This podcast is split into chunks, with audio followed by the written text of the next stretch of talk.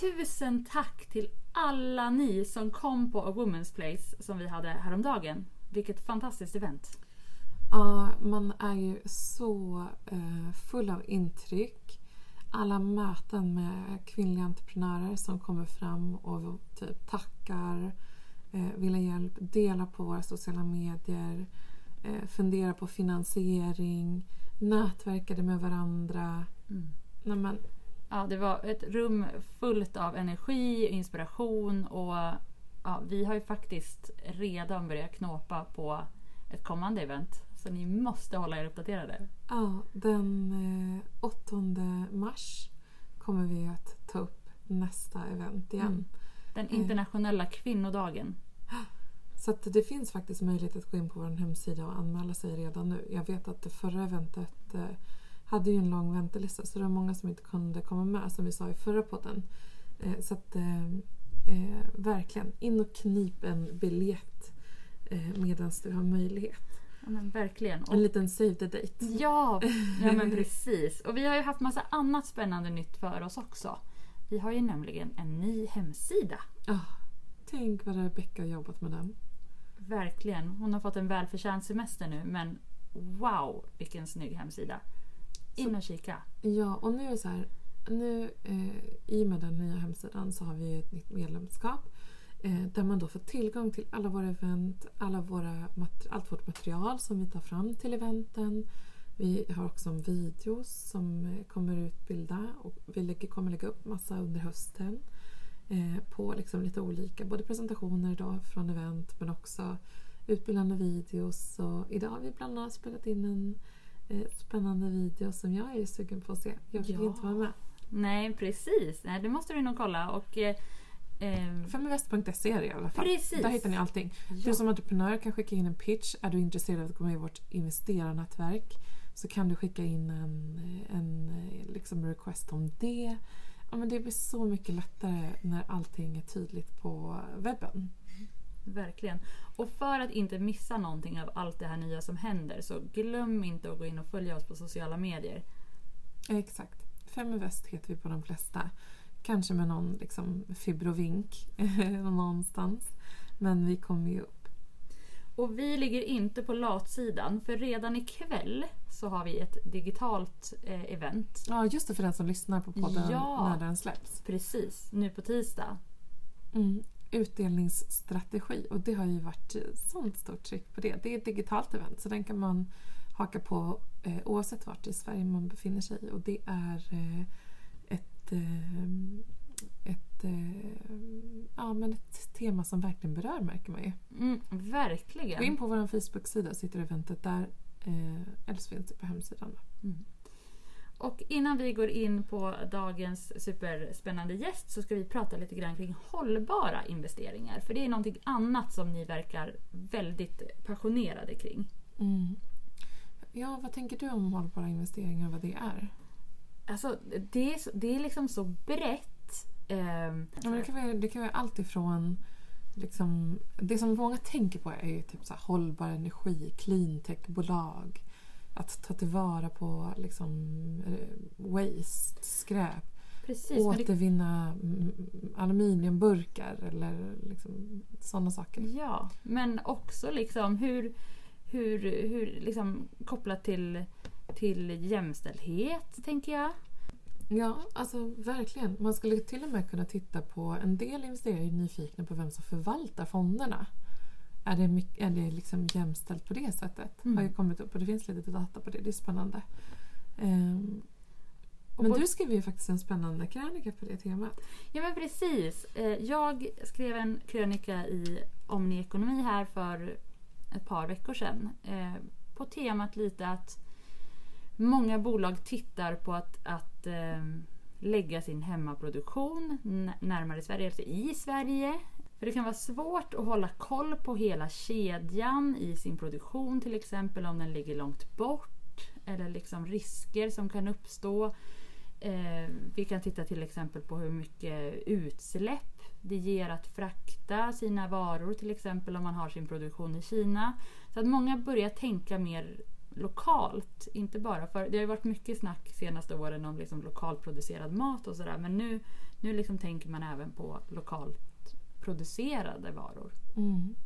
Och där är, finns det ju så många exempel på bolag som väljer att satsa och bygga stora fabriker i Sverige. Mm. Och du har ju bland annat eh, Synsam i staden där du har dina rötter. Ja men precis. Eh, som bygger fabrik. Eller Volvo som vi har pratat om i podden innan. Mm. Eh, jag såg att Synsam också har satsat på liksom recycled eh, butiker med fokus på att återanvända Ja men verkligen. Ja, jag har... återanvänt material. Ja, precis. Jag har faktiskt varit inne i en av de butikerna som vi har här i Stockholm. Det är ju en toppen idé verkligen. Mm.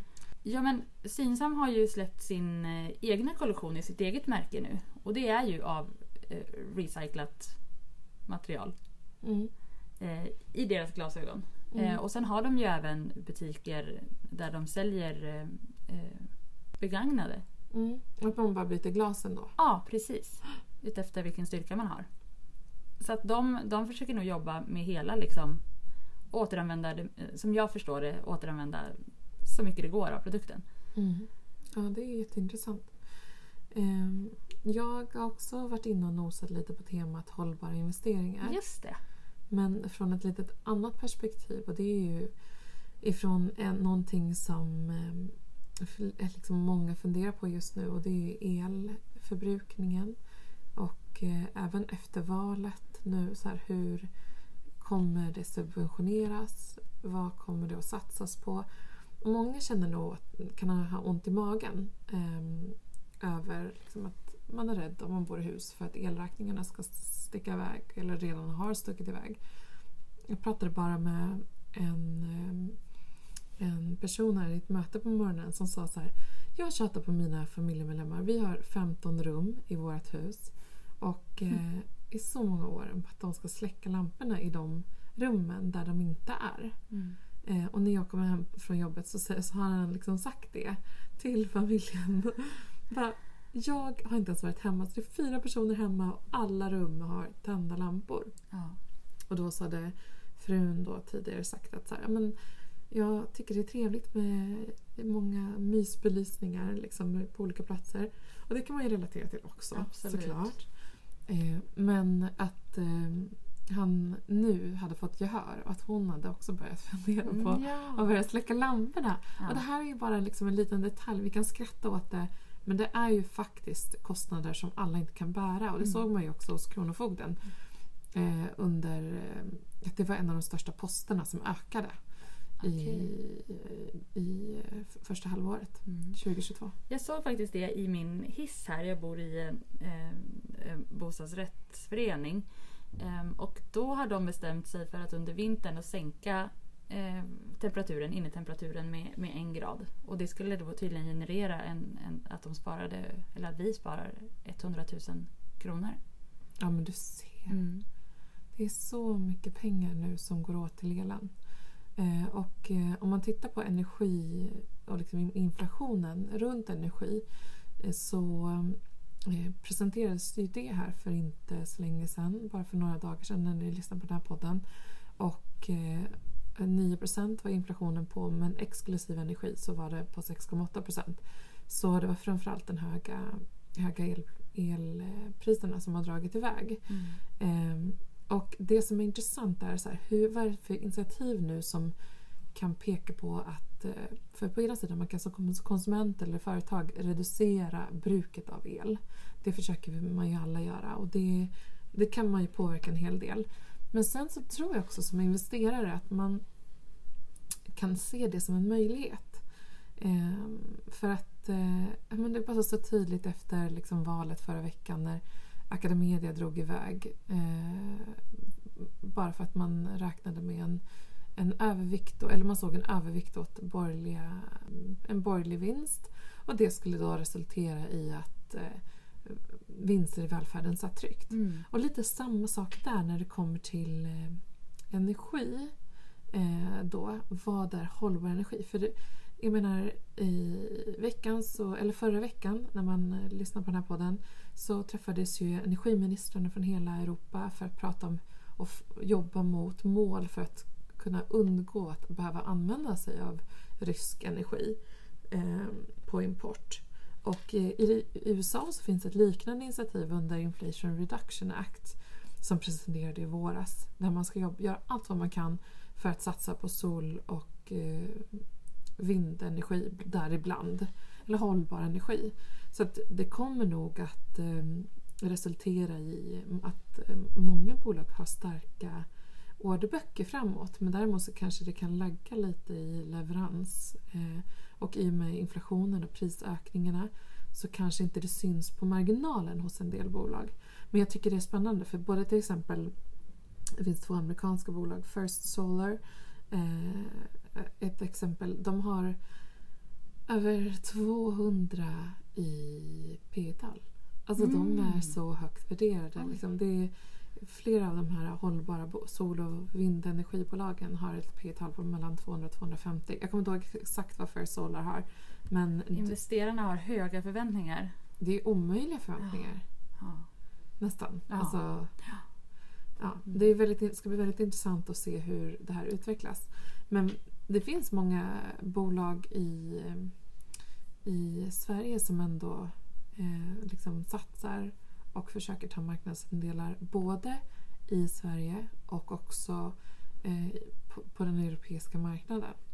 Och jag vet att ja, ni kanske känner till de danska bolagen Vestas Wind Systems och Örstedt eh, som jobbar mot Europa, bland annat som marknad. Eh, och eh, den senare har en lite eh, snabbare tillväxt. Men eh, jag skulle också säga att det kan vara intressant för att titta på bolag som levererar elprodukter. Typ Schneider Electric. Mm. Alltså den typen av bolag skulle mm. också kunna vara eh, relevanta att titta på. Mm. Det finns ju många komponenter i, liksom, som behövs för att fortskynda på det här, den här omställningen. Ja, verkligen. Det är superintressanta spaningar. Och vi kan ju liksom inte komma ifrån att eh, 78% av kvinnorna tycker att det är viktigt att man tänker hållbart kring sina investeringar. Mm. Eller hur? Det publiceras ju våran, eh, våran Fearless and Sustainable rapport här för eh, ett tag sedan. Och vi kommer komma med nya rapporter. Eh, vi ska bara komma över den här pucken som jag varit i. Men eh, det blir spännande. Och jag tycker också att vi ska göra en rapport på kvinnligt entreprenörskap, eller hur? Ja, absolut. Jag har lite spännande tankar där. Ja, och om ni tänker någonting kring det, ni som lyssnar, så välkommen med all feedback. Mm. Men du, mm. nu kör vi igång veckans intervju. Ja!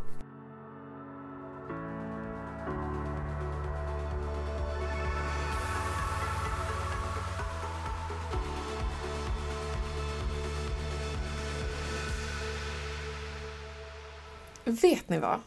Vi på Feminvest har en sak gemensamt med Visa. Vi fokuserar på kvinnligt majoritetsägda bolag. Det är vår gemensamma nämnare.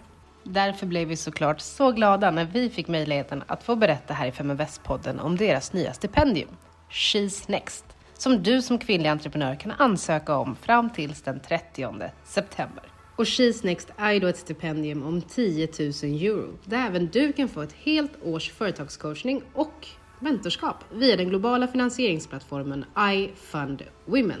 Det är hela tre stipendier delas ut i Sverige. Det här har ju du koll på Mikaela, men du som lyssnar, visste du att Sverige har en väldigt liten andel kvinnliga företagare? Och det är i jämförelse med både Europa och Norden. Men det är inte bara där det skaver, för även i nästa steg får kvinnliga entreprenörer mycket mindre tillväxtkapital.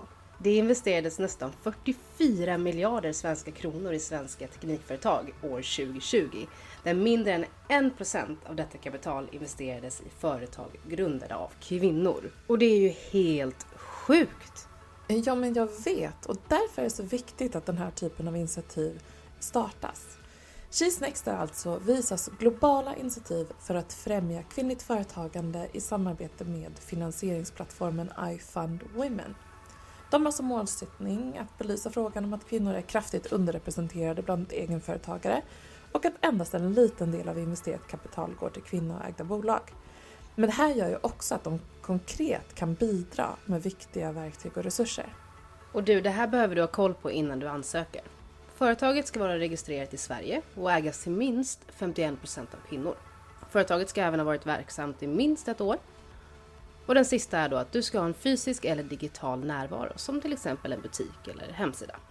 För fullständiga villkor om hur du ansöker surfa in på visa.se cheesenext. Så i samarbete med Visa Cheesenext, stipendiet för kvinnliga entreprenörer, tycker vi att du som lyssnar ska gå in och ansöka redan idag. Det är inte så många veckor kvar. Eller tipsa en vän som det här är aktuellt för. Tänk om du eller din kompis blir en av de tre som får det här stipendiet tilldelat. In och ansök bums på visa.se cheesenext. Lycka till!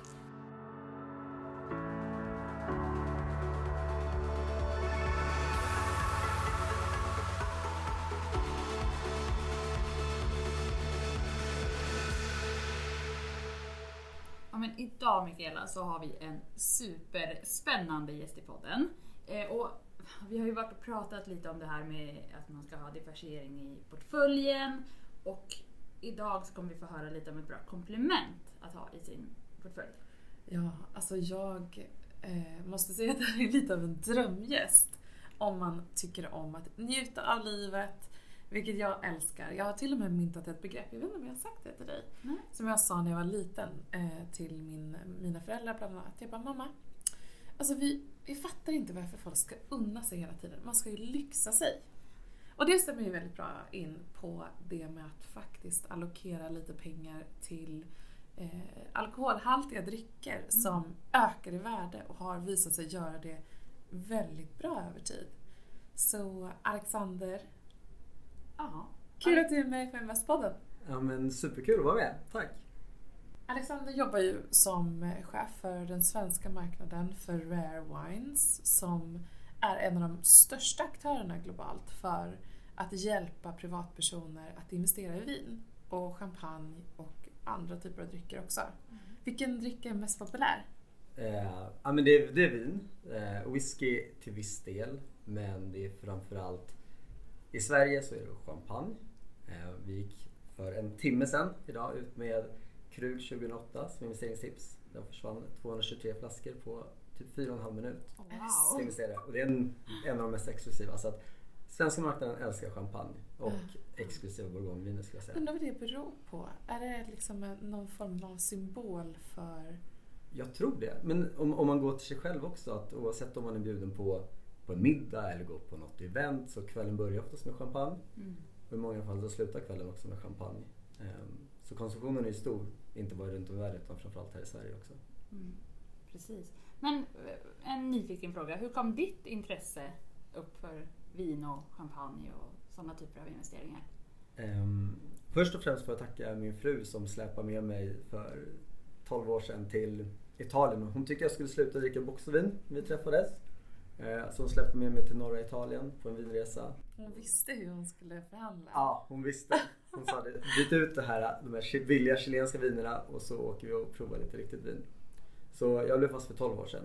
Sen har jag jobbat mycket med analytisk försäljning de senaste åren och ja, men jag slog ihop lite min hobby med den hyfsade kompetensen som jag hoppas att jag besitter och så får jag göra det som jag tycker är väldigt kul. När man provsmakar vin, ska man spotta ut eller inte? Eh, före lunch, om man kanske ska prova mycket, så kan det vara klokt kanske.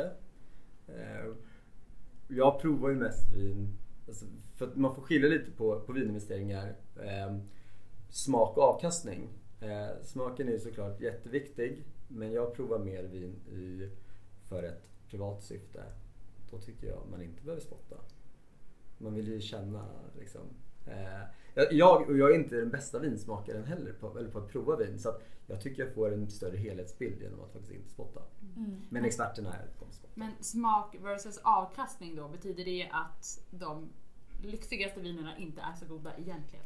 Men det finns ju framförallt finns det jättemycket extremt goda viner men som inte ökar i, i värde. Det är en för stor produktion och det tar för lång tid innan, någon, innan konsumtionen gör att tillgången minskar. Eh, och sen har ju alla olika favoritviner. Det är ganska många älskar att dricka Rioja-viner. Och då brukar jag säga att ja, men, idag, fortsätt att dricka det.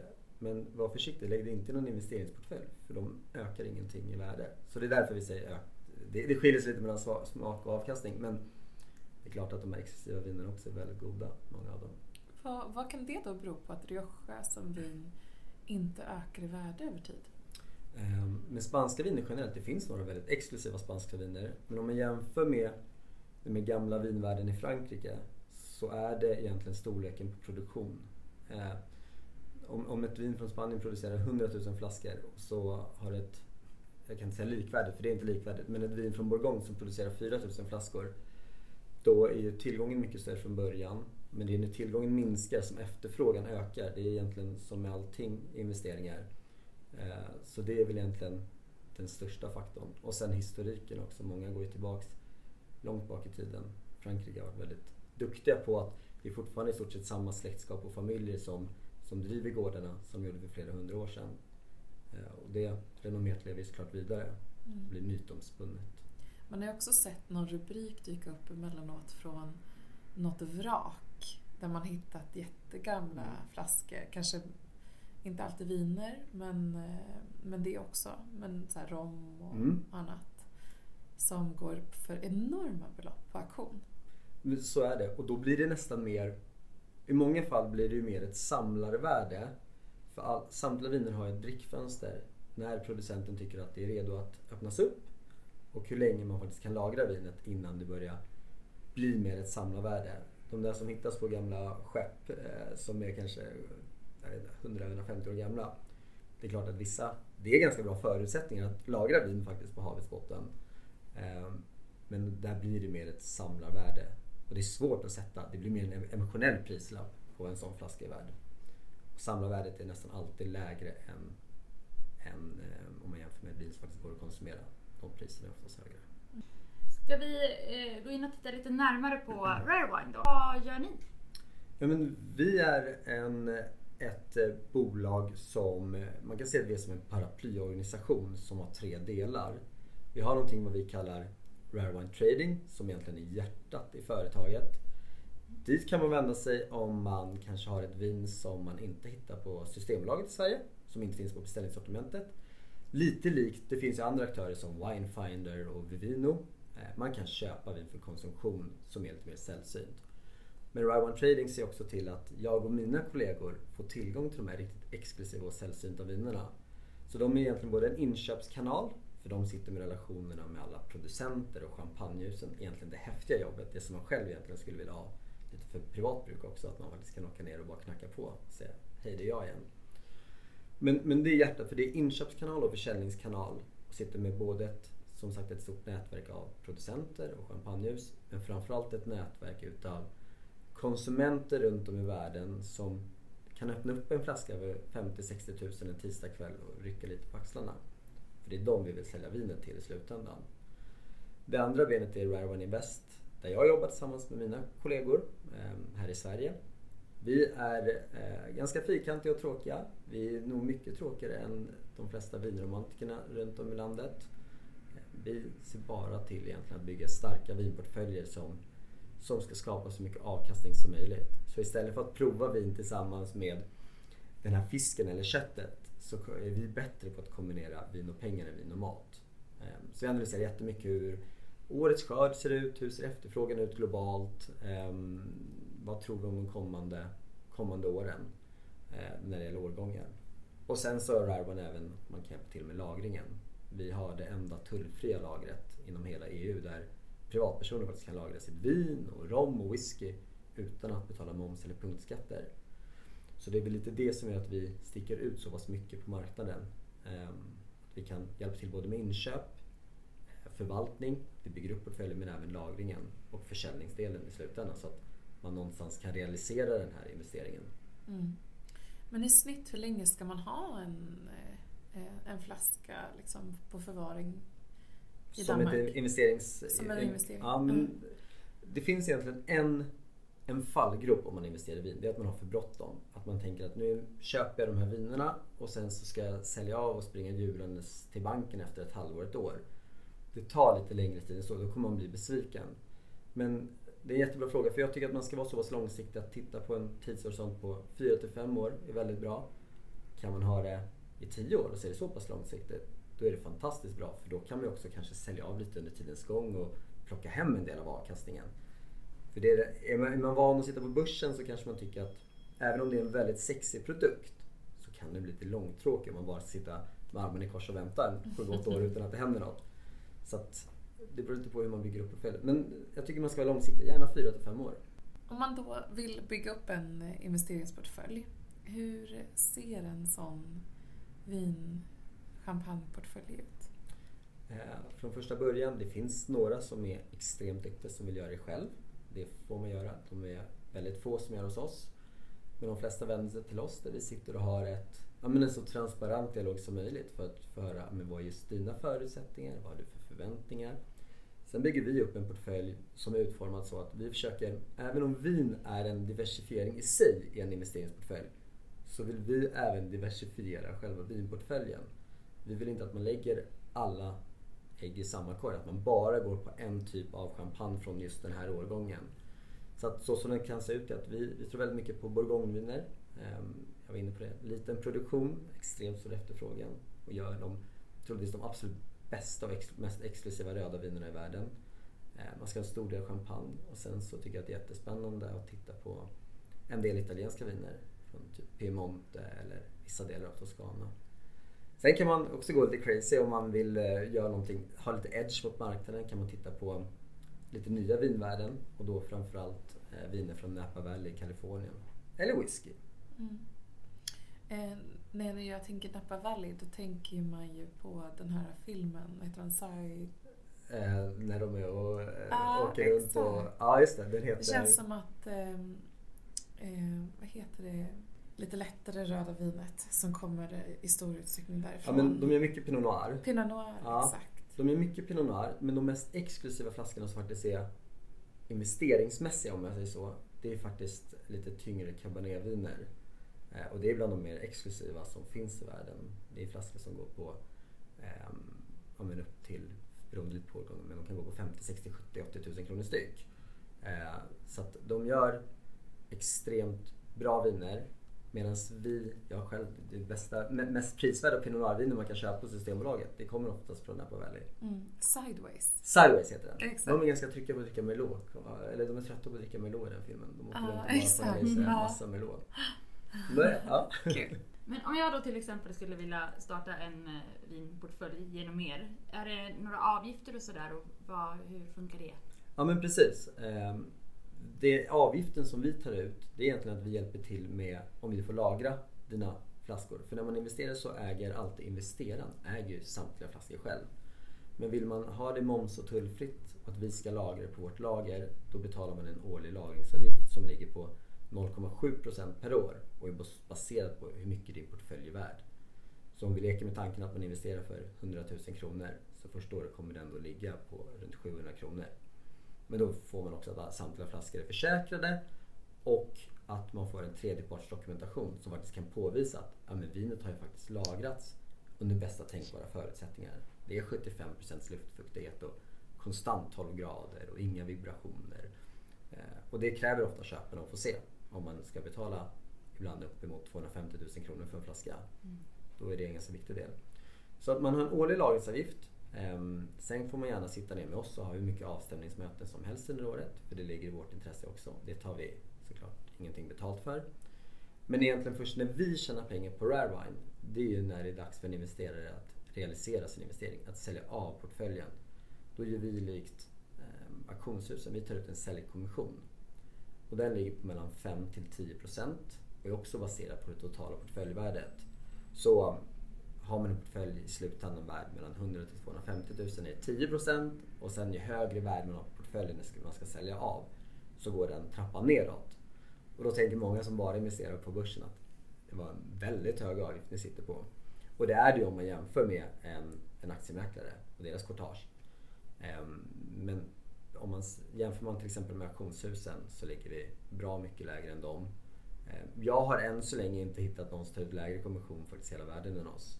Men hittar man det eller har man något, kanske någon granne som är sugen på att köpa loss vin så får man sälja det direkt till dem. Man behöver inte gå via oss. Mm. Men vi sitter på det här starka nätverket för att hitta köparna som är beredda att i många fall faktiskt betala högre än vad marknadspriset säger. Mm. Jag tänkte också på det här att ni är väldigt liksom noga med att, checka kvaliteten och så på flaskorna. Och ni har ju en, en man kan jobba hos er som vindetektiv. Jag Mm. tycker det låter så spännande. Eh, kan du berätta lite om, om deras jobb? Ja, han har ju nog den tuff, tuffaste och häftigaste titeln Ja. eh, som jag gärna skulle ha. Jo men vi har, ehm, vi har en liten avdelning där en person som just är vindetektiv som heter Mats Dus Pedersen är ansvarig. Alla flaskor som kommer in till oss, när vi köper, vi köper ganska mycket viner härifrån Sverige också, även personer. Så hamnar de först i, man kan säga att de hamnar i karantän innan de kan hamna i någon investeringsportfölj. Där går samtliga flaskor igenom med, med UV-ljus och mikroskop för att verkligen säkerställa att ja, det här är äkta vara. Det finns extremt mycket förfalskningar där ute.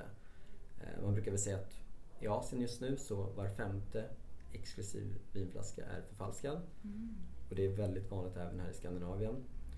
Men de hamnar i karantän och då som sagt, man, det man tittar efter är producenterna har väldigt mycket eh, hemliga stämplar och dolda tecken bakom aluminiumet på flaskan och på etiketten.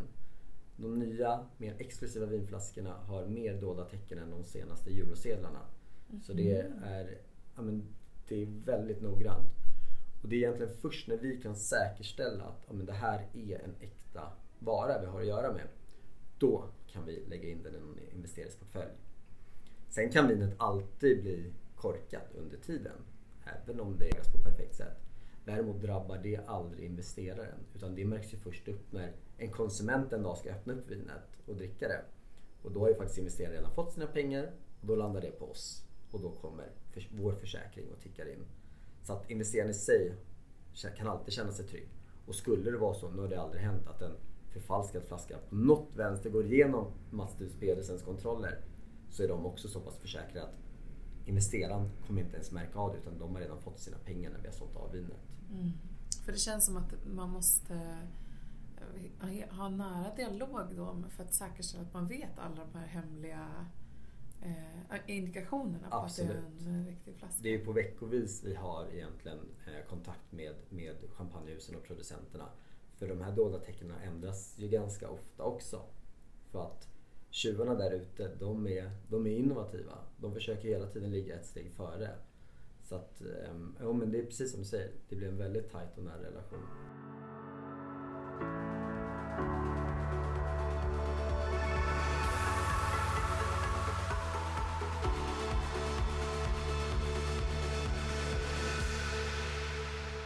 Kul att prata avkastning tycker vi på fem Det är något vi går igång på. Absolut. Så att, eh, jag är ändå nyfiken på liksom, eh, de portföljerna som ni har förvaltat. Och man brukar ju prata om så här, Stockholmsbörsens liksom, index. Mm. Hur har det levererat år efter år över 30 års tid eller Mm. någonting. Eh, hur har ni kunnat leverera avkastning och vad, vad ligger snittet på? Först börjar jag med att vara tråkig och säga att eh, det jag säger nu, vi garanterar såklart aldrig någonting. Men vi kan eh, med trygg hand berätta hur det har sett ut både de senaste åren och 20 år tillbaks i tiden. Eh, och när vi tittar 20 år tillbaks i tiden så, så ser vi att ja, men, portföljernas avkastning per år ligger i genomsnitt på minst 8-10% i genomsnittlig årlig, årlig avkastning. Om man då har en, en, en tidshorisont på runt 5 år. Eh, för de första året så kan det gå något långsammare om man investerar i till exempel väldigt unga viner. För då har ju inte den stora konsumtionen kommit igång än. Men, men vi kan med trygghet säga att ja, men man kan absolut förvänta sig 8-10% per år. Annars så har vi gjort ett... Ja, men då får man väl komma och gnälla eh, ganska ordentligt hos oss. För då har vi gjort ett, ett dåligt jobb. Om man tittar de senaste åren så har ju det gått mycket bättre än så. Eh, föregående år så hade vår snitt, eller snittavkastningen hos våra samtliga portföljer låg på 19,8 procent. Varav till exempel bara champagne hade en snittavkastning på 39 procent. Ehm, så att om man tittar på de senaste fem åren så är det väl närmare 20 procent än de här 10 procent. Men jag trycker hellre ner förväntningarna och så kanske man landar på 16 och så får man en klapp på axeln istället för en utskällning. Så att, eh, och med tanke på Även om vi skulle bara nå upp till de 8-10 procenten. Det är en extremt låg risk att investera i vin. Det räknas som en lågriskinvestering. Så jag tycker man också får värdera avkastningen lite tillsammans med risken. Och då kan jag tycka att 8-10% är ja, en ganska fin årlig avkastning. Ja, i- intressant verkligen. Så då kan man räkna, eh, om man då skulle liksom börja skapa en portfölj så kan man tänka att ja, men ungefär max om man då väljer att gå med försäljning via er så går runt 10,7 procent i lagring och sen försäljningsarvode av de 10, 8-10 Mm. procenten som Precis, så att det, det är också en inverkan att, att bara investera i ett år och så kanske vi bara håller just den här som vi ser att man kan förvänta sig 8-10%. Men då kanske man plus minus nollar i slutändan om man bara har portföljen ett år och då är det ju inte lönt mödan. Då är det ju rätt dålig investering. Så det är därför vi trycker mycket på att om vi försöker ha en 4-5 år och sen har vi ju sett att ju fler år man har ju snabbare går avkastningen och man kommer kanske närmare 20, 25, 30 procent än med 8 till 10. Så att man ska försöka vara långsiktig. Eh, Sen så man binder ju inte sig fast. Ibland kan det dyka upp att nu hittar jag en drömlägenhet i Frankrike. Jag måste få loss kapital efter ett år. Ja men då får man väl sälja.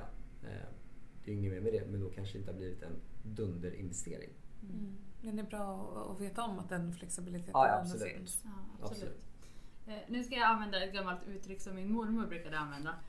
Hur lyckas ni lägga rabarber på de här exklusiva flaskorna? För jag antar att ni inte går in och, och skaffar dem från Systembolagshyllan. Nej, det gör vi inte. Nej. Ehm, Även om Systembolaget får in, även om det är väldigt små kvantiteter får de in många gånger fantastiska flaskor.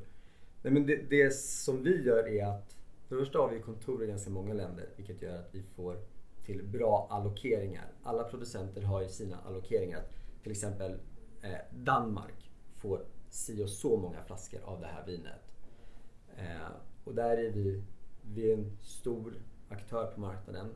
Vi är en av de tre största eh, bolagen i världen som jobbar inom vinhandel. Så vi har, sig, vi har visserligen väldigt stora allokeringar, men det räcker inte. För vi har också extremt många investerare som vill åt de här vinerna. Så att det vi också gör, förutom de vinerna som kommer direkt från producenten, är att vi har bra relationer med andra återförsäljare. Vi ehm, kan man väl tycka lite vad man vill om, men till exempel under coronan så var det tyvärr väldigt många restauranger som gick omkull. Eh, även här i Stockholm. Många av de här restaurangerna satt på väldigt fina vinkällare. Då kunde vi såklart köpa upp väldigt mycket viner direkt därifrån. Ehm, men även många privatpersoner. Vi har ju våra, systemet har sina släpp där man kan göra riktiga kap som ett litet tips. Att håll koll på dem. Ehm, och när en privatperson här i Sverige har fått tag på de här flaskorna och ett kap så brukar de ringa mig och säga att vad, eh, hur mycket kan du tänka dig betala för den? Så köper jag den dem. Och vad är ett släpp från Ett- Systembolaget? Systembolaget har, ska jag sitta och göra reklam för Systembolaget? men det gör jag gärna. Men på to- de har sina torsdagssläpp bland annat. Som eh, klockan 10 som jag tycker att man ska ha koll på. Ehm, där man kan, där de kanske har ibland två flaskor någonting. Ibland har de 62 flaskor av någonting. Och så får man vara snabb där klockan 10 när det väl släpps och trycka på knappen. Och har man tur så blir man tilldelad en flaska och då får man köpa eh, vinet. På, man kan välja då vilket systembolag man hämtar ut ifrån. Där kan man göra otroligt bra klipp för Systembolagen som har en sån fantastisk prisbild på de här vinerna. Jag Kul. tycker det låter lite som att du också är en form av vindetektiv Alexander. Ja, men på de här delarna, men det blir mer privat bruk. Eh, mina kollegor uppskattar inte om jag ringer till dem och säger du jag tänkte tjäna lite pengar på er. Så att, vill ni köpa loss de här av mig? Kul. Eh, ja, men om man då tittar på liksom de senaste åren och tiden vi befinner oss i nu också. Eh, vi har precis fått nya indikationer på att inflationen har stigit igen, eh, även här. Eh, 9 procent. Vad, eh, vad händer med den här kategorin av investeringar? Mm. Det som vi framförallt märker just nu med omvärlden är att eh, den amerikanska dollarn har blivit väldigt stark. Inte bara mot svenska kronan utan den är stark. Så vi ser ju att efterfrågan både från ja, Nordamerika men även från den asiatiska marknaden ökar i väldigt snabb, snabb takt. Den har varit stark, framförallt asiatiska marknaden har varit väldigt stark de senaste åren. Men nu ser vi att de ser en möjlighet här att köpa europeiska viner för en väldigt bra peng med tanke på den amerikanska dollarn. Det ser vi. Inflationen i sig driver ju upp andrahandsmarknaden på vinet. Så är det. Å andra sidan så blir det dyrare att leva för väldigt många. Ehm, det märker tror jag vi samtliga av just nu. Ehm, och det gör ju att folk kanske håller lite hårdare i, plånboken. Däremot så, de som konsumerar viner eh, mitt i veckan för 60-70 tusen kronor ehm, och kan öppna upp det vid sin... De unnar sig inte, de lyxar sig. De lyxar sig, precis. Och, och det är sällan de som blir hårdast drabbade under sådana här kriser. Eh, så att vi märker mer av det på hur efterfrågan och hur marknaden skiftar regionsmässigt runt om i världen. Till exempel den amerikanska dollarn just nu. Eh, det skulle jag säga.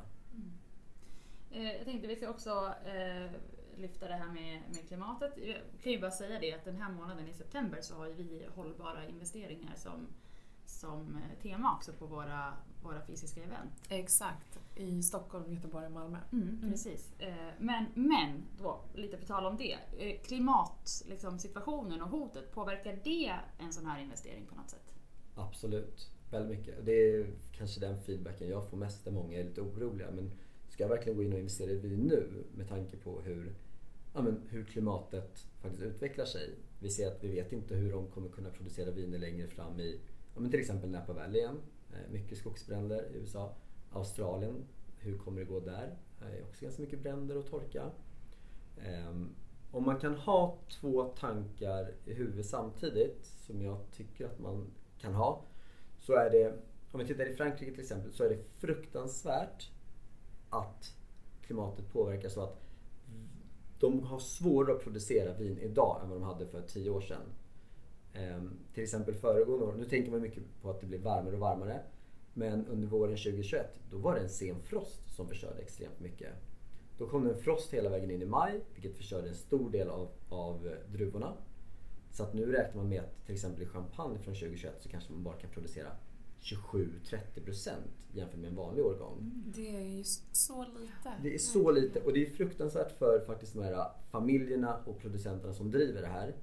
Och det är fruktansvärt för alla vinromantiker för det kommer bli ännu svårare att få tillgång till vinen. Men, Men investerar priserna man kommer ju gå upp priserna kommer gå upp. 2021. Ja, och det kommer vara väldigt svårt att få tag på viner från 2021 från både Bourgogne och Champagne. Det gör ju att sitter du då med viner från typ 2019 och 2020 från regionen så sitter du väldigt bra till. Och kan du också få möjlighet att investera i 2021 års årgång som redan är väldigt liten så säger det sig själv att en minimal tillgång och en, en hög efterfrågan det gör ju att priserna sticker. Så att, två tankar över samtidigt. Som vinromantiker, fruktansvärt. Som investerare, inte helt illa. Det finns säga. möjligheter. Absolut, det finns jättefina möjligheter. Och därför tycker vi att Bourgogne och Champagne är så intressant just nu. Men vad händer ett år som i år då? För i år jag läste en rubrik som bara flashade förbi eh, om att eh, värmen har gjort så att eh, man har fått skörda tidigare. Mm. Att det kan snabba på. Är det något du känner till också? Ja, men så är det. Ehm, vi var i Bordeaux, jag och mina kollegor, för en och en halv vecka sedan. Vanligtvis så kanske de börjar med sin skörd om, ja, men först nu. Men de hade redan varit tvungna att sätta igång för att druvorna mognar så pass mycket snabbare. Där, där kan man väl säga att de som sitter på mest kompetens av producenterna, de går i stort sett på timmar och kollar när ska man plocka druvorna och inte för att hitta det perfekt.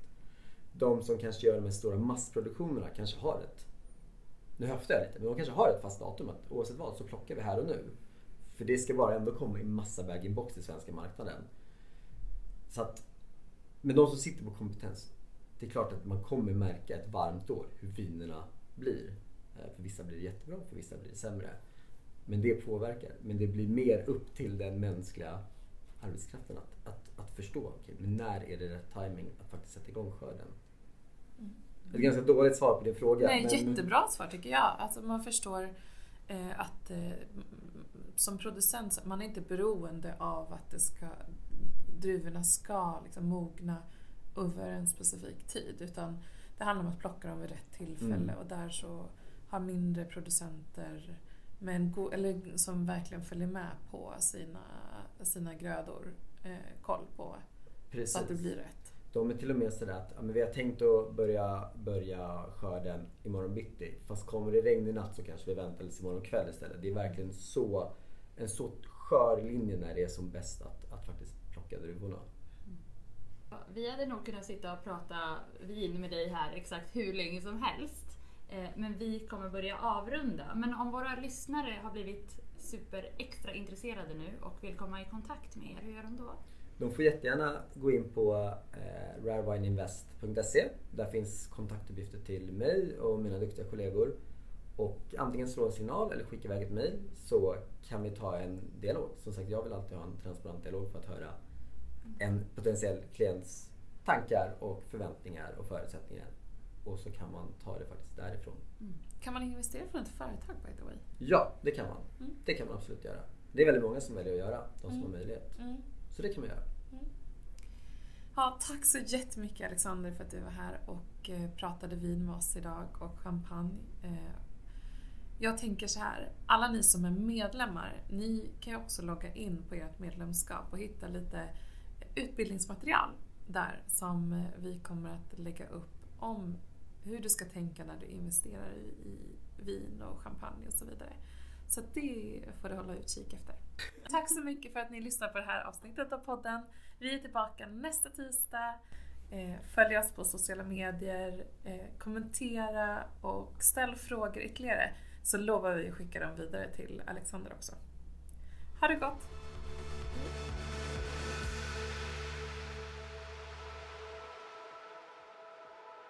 Feminvest är Sveriges största investeringsnätverk för tjejer. Vi vill att allt fler ska våga äga och förvalta. Och hur gör vi då detta? Jo, vi vill inspirera, utbilda och utmana runt ägande, investeringar och entreprenörskap. Följ Feminvest på våra kanaler Facebook, Instagram, Youtube. Varje vecka så kommer vi även ut med en podd och du kan ju självklart även följa nyheterna som publiceras på feminvest.nu. Det är bara att söka på Feminvest på samtliga kanaler så hittar du till oss.